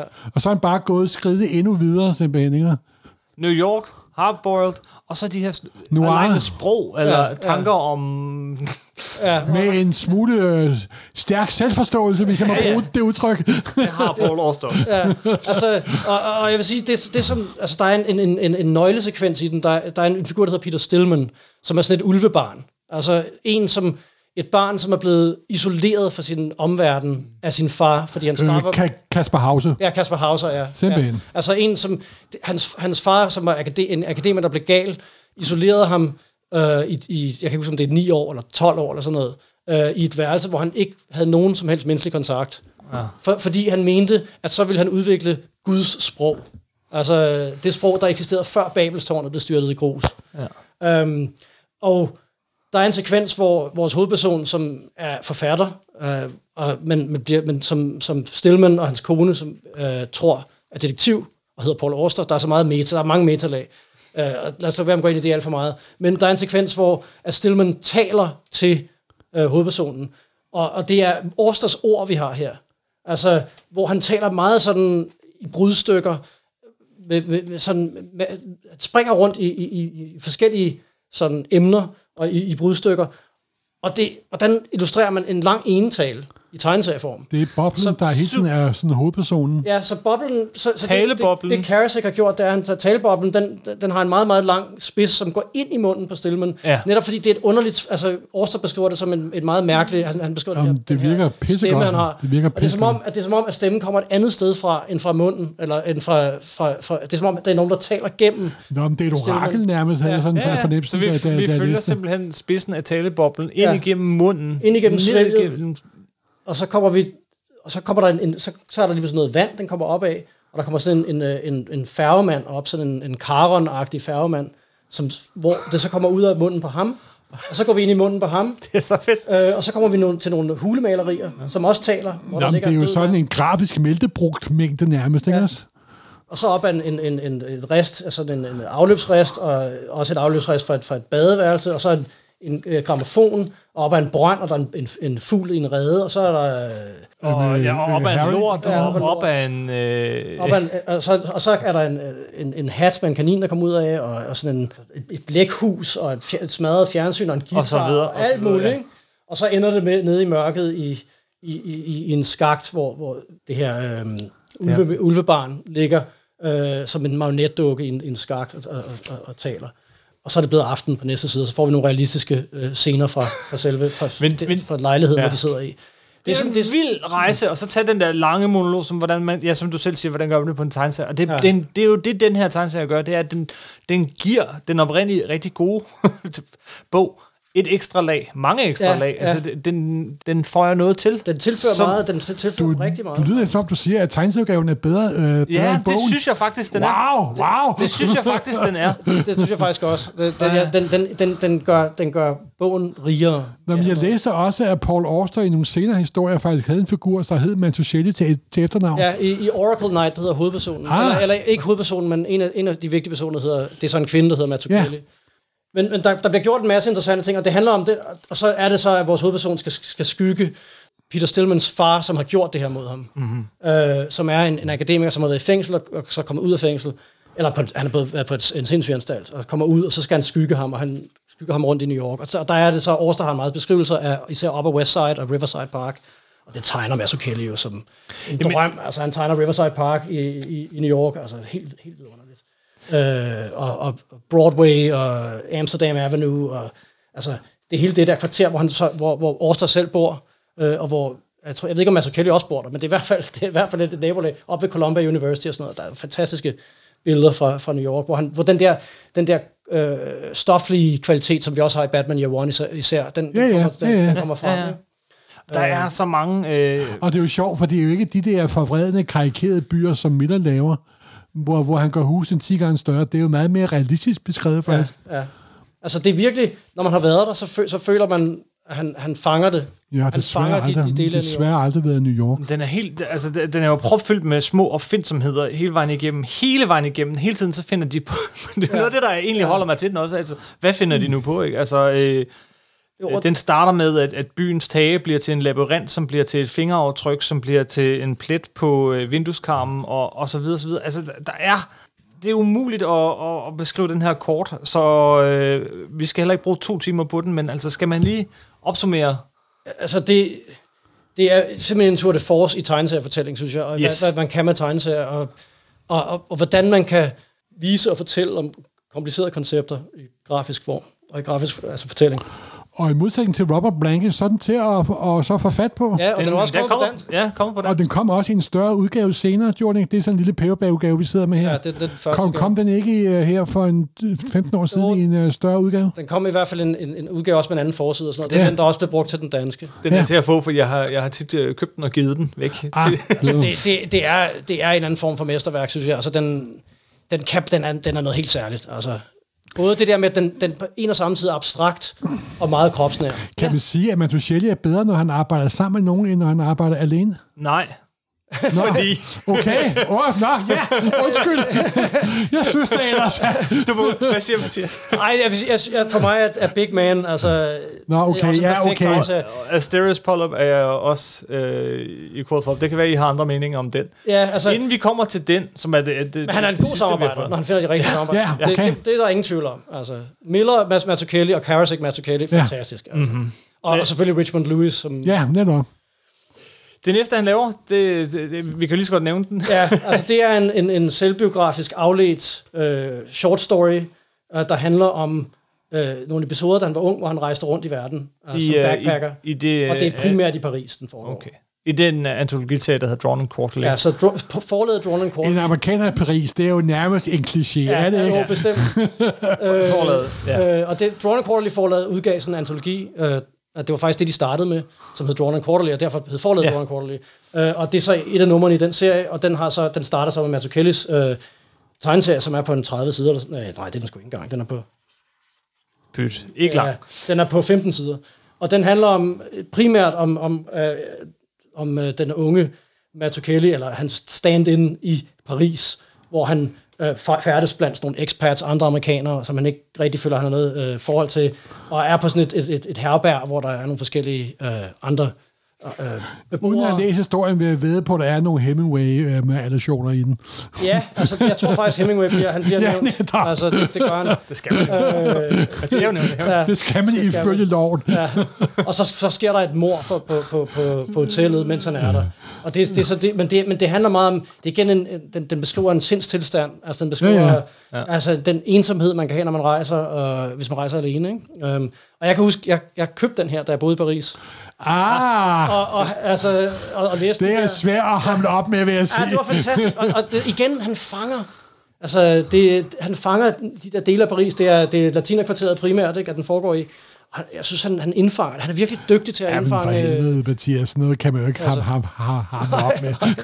Ja, det var fantastisk. Altså, det, så det, det er en lidt mindre ting, men, øhm, men altså, den, som, den slår nogle følelser ret rent an, synes. Timing er også meget vigtigt, når man skal imponeres af en tegneserie. Ja, bestemt. Det må man sige. Bestemt.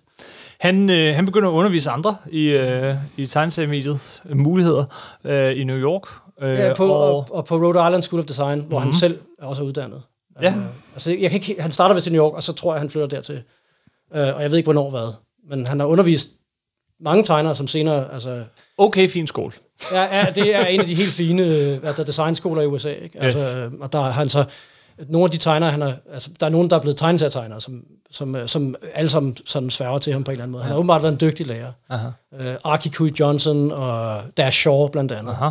Som, som, og, og Dash Shaw is, især er en. Akiko Johnson er en, der tegner meget i samme stil. Der kan vi over i David Aha og sådan noget også. Ikke? Øh, hvor, men, men, men, men mere, sådan, mere litterært. Og så er der, øh, og som også laver illustrationer og sådan noget, men, men der Shaw er, er sådan en, også en, der formbrydende, eksperiment, eksperimenterende tegner. Så slet ikke lige så dygtig i, i forhold til at tegne, men, men man kan se, at, at Mazzucchellis påvirkning er der, ikke? Altså det der, det der med at lege med, med, med, med formen og, og, og, og være interesseret i, hvordan den kan skildre tid og rum og sådan noget. Um, og det vil også være fantastisk at have en lærer, der virkelig har lavet noget, simpelthen, ja, også, der ja. virkelig har betydet noget, simpelthen. Ja, og som er så analytisk. Altså, ja, simpelthen.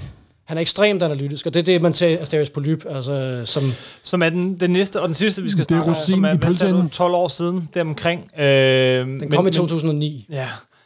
Den, øh, det, det, igen, igen kommer, er, er det en ny David Mazzucchelli, og, og, og helt anderledes, og du sagde lege før, han leger så meget i Asterios Polyp. Asterios Polyp er jo, øh, jamen, er der ikke rimelig bred enighed om, at det er, det er fuldstændig et mesterværk? Ja. Jeg vil hellere høre, hvad du har at sige om det. Jeg er blandt andre end jer to, så. Jeg er fuldstændig tosset med den her, ja, og den måde, han leger. Og ja, måske han går lidt for vidt i, øh, i lejen, altså at han leger jo, men det er det samme, at han prøver på at vise, selv. at han kan lave en graphic novel. Jeg ved det lyder om...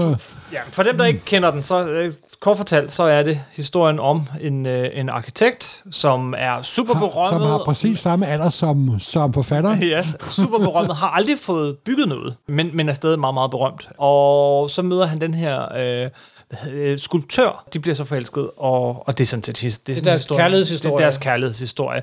Den er beskrevet sådan, at øh, øh igen, vi, der var leg med talebobler før. I den her, så har vi øh, arkitektens talebobler, er sådan arkitekttegninger nærmest, det er sådan blueprints, og hendes talebobler, det er sådan uh, rodet og, og, og kringlet og sjovt og sådan noget, og de snakker så sammen, så er der en scene, hvor de begynder at tale sammen, og pludselig så smelter taleboblerne sammen. Det bliver til en type taleboble, de har til fælles, og, og det er super romantisk og fortalt så kort. Og så går der et stykke tid, så har de et lille skænderi, og bup, så har de hver deres taleboble-type igen. Det er sådan nogle ting, som, ja, og som så de også, de også, altså deres figur, og deres skændes, figur, så bliver ja. deres figur, han er, han er sådan en geometrisk ordnet ja. figur, som sådan en, som sådan en ja. tegnedukke, og hun, ja. er, hun har sådan runde, øh, skraverede former ja, og sådan noget. Ja. Og så, så, de, så de, de smelter sammen, de, de, de bliver adskilt igen. Og, og det er sådan, og så sker der jo alt muligt i den her den, øh, historie. Men det er det her med at lege med mediet, som virkelig bærer den. Ja. Altså, Om den, det virker lidt Ja, det virker en lille smule banalt. Ja, det, altså, det, ja jo. Altså, mm, altså, det var det, det store værk, man havde hørt om allerede i begyndelsen af 90'erne, han arbejdede på, og det var så mange år undervejs. Altså, det var ja, sådan, ja. Altså, at der kom ikke, der kom ikke andet. Altså, der kom nogle få, små, sådan, små bidrag til forskellige antologier, og, og de var ikke, måske ikke helt så fede, som den, der var i Royal Så der blev bygget lidt for meget op til ja, den? det var virkelig en, man havde store forventninger det var, den, altså, rent kommercielt slog den jo igennem. Ja, den slog den igennem. Okay, fuldstændig ja. fantastisk. Den, altså. den, viser, hvad tegneserien altså, kan, ja, ja. kan på en eller anden måde. Og den er hyperkontrolleret. Altså, det er sådan, ja, ja. den er så analy- altså, der, der er virkelig alt, der er gennemarbejdet i forhold til, alt. hvordan øh, symbolikken øh, kører gennem, hvordan dialogen interagerer med billederne. Altså, og så mange af de der formeksperimenter, så noget af det, han har, det, vil sige, det, der, det der med, han tegner figurerne som forskellige, med forskellige streg og med forskellige talebobler, ja. noget han henter fra Saul Steinberg, blandt andet, altså mm. den store illustrator, som, øh, som også gjorde det i, i, i forskellige værker. Øh, der er, altså han, han samler sine inspirationer til, til at beskrive, ja, altså et, et, et, det er et kærlighedsforhold, det er et liv, og det, den er så baseret på, også baseret på Odysseen og overførselsmyten, ja. og der, han kører alt sådan noget ind under, over, og sådan noget med, med, med tvillingemotiver, som man også har arbejdet med, i, i, som er i, i City of Glass og andre steder, med at dobbeltgængermotivet. At, at der er, to af ham, han er virkelig en Asterios polyp, han er i virkeligheden Polyphemus, ligesom, ligesom øh, Kyklopen i, i Odysseen, og den er baseret på Odysseen til en vis grad, også på, på Joyce's Ulysses. Altså, øh, så han, han, han har alt det derinde. Og han, han, er, han, er så, han har haft en, der er en tvilling, der døde i, i, i altså der, en dødfødt tvilling, som så er ham, der fortæller historien. Ignacio, ja. i forhold til Asterios. Og, og, altså, og det der det, den får på alle, den får den på alle. Se, det er fint. Se, det er fint. Og, og han ser verden i dikotomier hele tiden. Altså, ja. liv og død og Jamen, altså. den, den virker meget beregnet, synes jeg, hvis jeg skal være, hvis jeg skal være meget, meget negativ. Men ja. det virker. Ja, altså, Ja, men jeg, jeg må indrømme, den, jeg... den er meget, meget overstyret i forhold til sin symbolik. Øh, synes jeg, den, den kører virkelig langt ud. Og, og det er sådan, hvis det var blevet gjort i en roman, så man tænkt, nej, det Ej, skulle så havde man tænkt, det var... Ja, ja. det, det, er for, det er for studentikos på en eller anden måde. Altså, det går, men, men det hjælper, at han gør det i billeder, altså, synes jeg, fordi og og jeg tror, den overrumplende faktor, den havde for mange læsere, var, at den, hold kæft mand, tegneserien kan være så sofistikeret. Altså, og det er den virkelig. Altså, den er jo virkelig... Jo, jo. Altså for mig er det jo, altså... Øh, det er først og fremmest den måde, han, han øh, øh, øh, hvad hedder det, ligesom i City of Glass, øh, overrumpler og overrasker mig øh, for hvert afsnit af den her. Hvordan han bruger siden, altså øh, hvor meget han bruger luft, hvordan han hele tiden øh, har de her små... Ja, han overrumpler mig simpelthen med, med skøre idéer, som stadig bærer historien fremad. Absolut, den er meget, altså, man kan sagtens følge med i det hele. Den er faktisk mindre tvetydig end hans raw blanke ting. Den er meget klar i sin fortælling. Mm. Øhm, og med, med et arbejde, bare jeg vil komme til om lidt, men, men den har så også nogle af de her sanselige sekvenser. For eksempel øh, den første gang, de øh, spiser sammen, øh, hvor han laver mad til hende, øh, Hanna, altså, øh, og hvor de åbner en flaske vin og, og dufter til vinen, og Øh, og han hælder noget, en speciel olie, der kun er kørt et, et sted i Queens og sådan noget, ud over den salat, de har lavet sammen og sådan noget. Og han kan, han kan fremme, han kan, altså den, man, man kan mærke det måltid, når man læser den, synes jeg. Ja, ja, ja. Altså, eller hans beskrivelse af, af fornemmelsen af Ja. hendes krop i, i, i, ved siden af ham. Altså, Ja. det, det er så... Øh, det er og super en af Tour Force-sekvenserne og, er- og, og, og vækker øh, altså, smag og Ja. ja. følelser Ja. og øh, øh, lyde. Det, det vækker det hele, ikke? Jo, og det er han virkelig dygtig til. Og der er, så- der er sådan en, en, sådan en Tour de Force-sekvens senere, hvor han, hvor han mindes øh, sit samliv med, med Hanna, hvor, som, som handler så meget om, om hendes fysiske tilstedeværelse i rummet, og ja. altså sådan noget med kropsvæsker Yes, yes, og alt yes, muligt, yes, yes, helt som, ned. som er sådan en erindringsbølge, der skyller ind over ham. Ja. Og det er meget, meget flot fortalt med, med, med, med en, sådan en stribefortælling med, med en ting, der foregår i midten, og så en masse sådan mosaikker og andre indtryk omkring sig, og det bliver større og større og større. Mm. Um, tegne, og den er, den er så også lavet i to-tre farver ved det meste af tiden, og så får den lidt mere farve på, jo længere man kommer ind i fortællingen. Uh, der er alt muligt. Det er meget, meget kontrolleret. Altså, jeg er med på, det er ligesom om, Nå, han men, vil, jamen, han vil, det, han det vil, er gerne, heller ikke nogen dårligt, det er jo slet ikke det. han vil vise, hvad han kan. Ja. Det, det, er, det ved jeg Men- godt, og det kan jeg godt se. Han, han vil vise, se hvad jeg kan. Men han kan. Ja. Og, og, og, og, og det, det, man så skal huske på med den her, altså den, som jeg synes er interessant, når man begynder at dykke ned i den, man kan lave, det kan blive nærmest som sådan en, en, en selskabsleg at finde alle de, alle de fan, fantastiske motiver, han, der går igen, og hvordan at der er refereret til det, og krydsrefereret, hvordan det hænger sammen, alt sådan noget. Det kan man bruge en masse tid på. Men i virkeligheden tror jeg, at tegneserien handler om noget andet. Øh, vi forstår, at de, de blevet, vi forstår, at de er blevet skilt, så det starter med, på hans 50-års fødselsdag, står der et lyn ned i hans hus, og det, og det brænder. Mm. Og så, så, så tager han tre, løber han op i lejligheden, mens det brænder, og tager tre ting. Ikke to. Han er altså ellers en, der kun tænker i to. Han tager tre ting. En, et, et ur, en lighter og en schweizerkniv. Og det er så, for, forstår vi så senere, de har forskellige relationer til hans far, til ham selv og til Hanna, øh, hans, hans kone, som vi så forstår har forladt ham. Og så tager han ud på landet, et sted ude, et andet sted ude i Midtvesten, hvor han, eller i er sydvest USA, tror jeg, hvor han, øh, hvor han så er, bliver, bor hos en familie og, og sådan noget. Er meget Øh, anderledes. Ja, altså det er så meget anderledes. Og så er det så, han skal, han skal, han skal komme overens med, hvad der er, der er sket i hans liv, og så til sidst vil han vende tilbage til hende, og han prøver at finde hende igen. Og det er ligesom det, der er, der, og det er sådan ud af hjem på en eller anden måde, ja. i forhold til forholdet. Men vi forstår faktisk aldrig, hvorfor de er blevet skilt. Vi får se, at de har en masse skænderi og sådan noget. Men i forhold til, til, til tidsforløbet, som er fortalt, så er der en, et langt tidsforløb, og det begynder, man kan følge det, når man begynder at kigge ned i den. Der er et langt tidsforløb, der ikke er beskrevet. Og i midten af tegneserien går de ud til et stort krater, hvor der er et stort hul. Ja. Der er et stort hul til et stort krater, hvor han er ude derude på landet hos de der, der familie, og de ser et stort, han that's a big hole. Og det, jeg tror, det er det hul i virkeligheden, der er, der er That's hullet i fortællingen. Der er noget, der mangler i fortællingen. Han selv er blevet født øh, med en tabt tvilling. Der er et tabt barn. Og jeg tror, det er det, det handler om. Det handler om, at de ikke har fået børn. På en eller anden måde handler det om, at der ikke... Og det, det er aldrig ekspliciteret. Okay. Altså, der er et sted, hvor øh, han været inde hos der, hvor de bor, spørger, har du børn? Så siger han, nej, nej, nej. Det er lidt sjovt. Han, han læser alt muligt på os, som foregroundes, og som, Ja. som vi så er meget optaget af. Alle de her ting, og det, han arbejder et meget... Det er jo cartoon, det er jo ikke helt realistiske karakterer på den måde. Altså, det er noget med de... Altså, Stereopolyp står for dikotomi, og hun står for det, Jamen, for det, det, er, det er organiske. og sådan super cartoony. Det er meget cartoony, også i, i karaktertegningen. Det er meget arketyper på en eller anden måde. Selvom den har realistiske passager, som for eksempel der, hvor de sidder og spiser og sådan noget. Øhm, og så under det ligger der en anden historie. Og det, det, altså, og som, som ikke bliver fortalt. Altså, der er noget, der bliver overfortalt på en eller anden måde. Og så er det som om, der er en anden historie, som slet ikke, som kun antydes. Og det synes jeg, at, at det, der ligesom gør, den vinder, vinder øh, meget øh, kredit hos mig.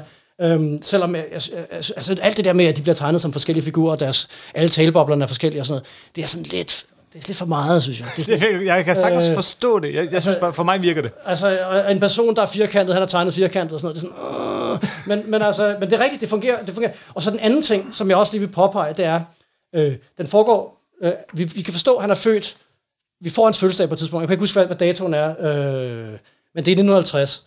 Så foregår, så på hans 50 års fødselsdag, slår lynet ned i hans hus i starten.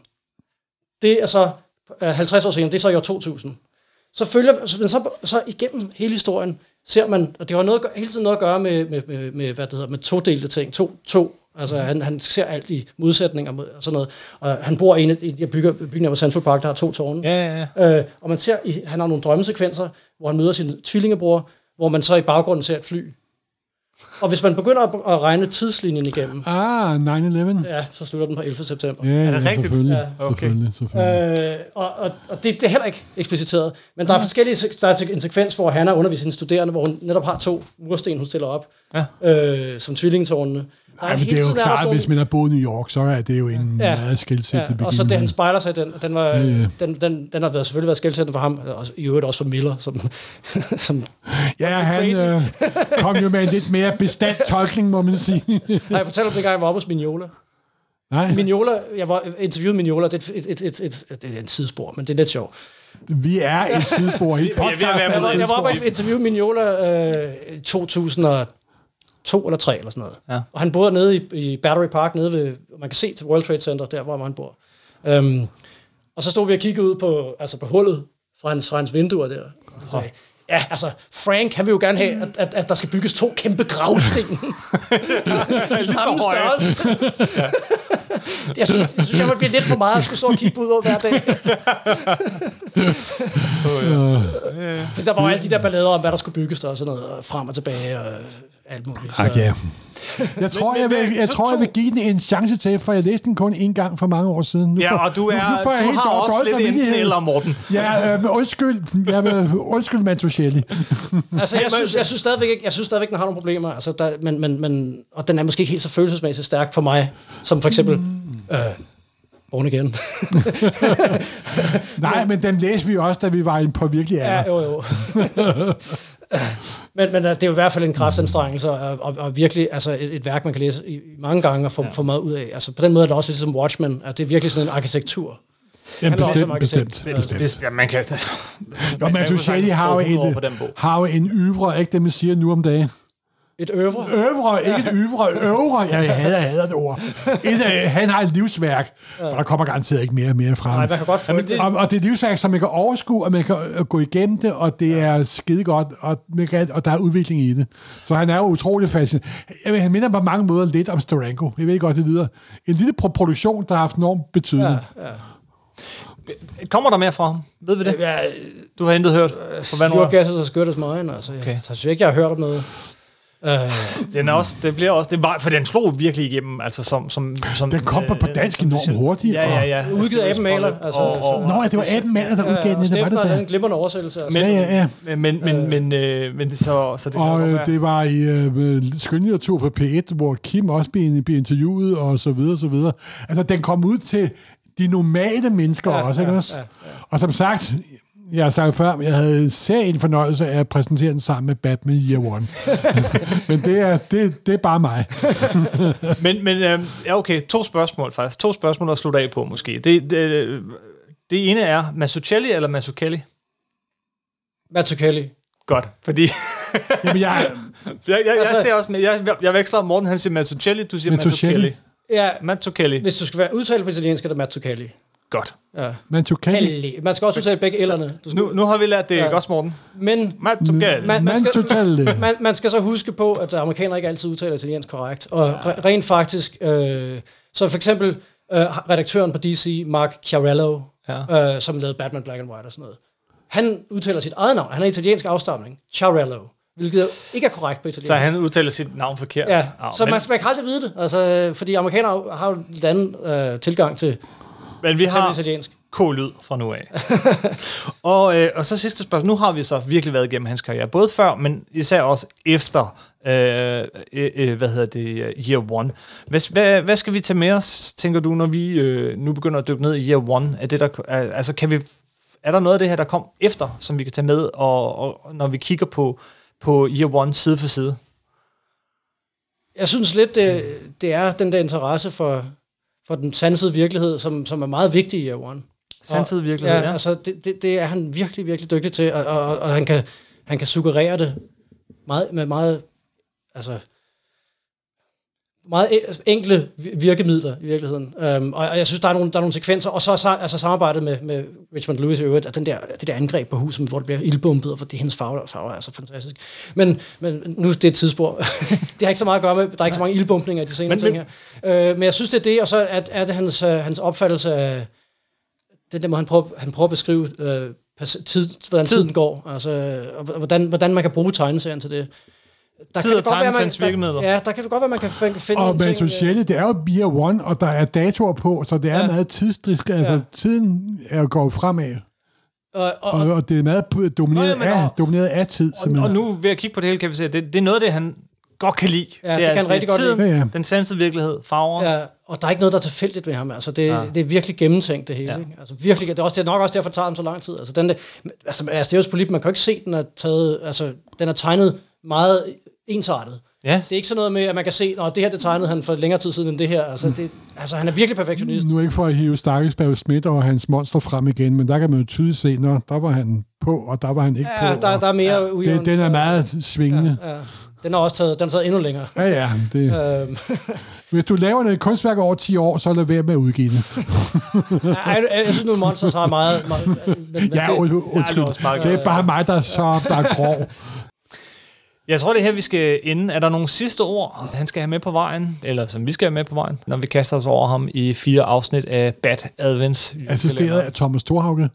Et andet medlem udlånt fra Radio, fra Radio af Rackham. ja, Husk at høre vi- Radio Rackham.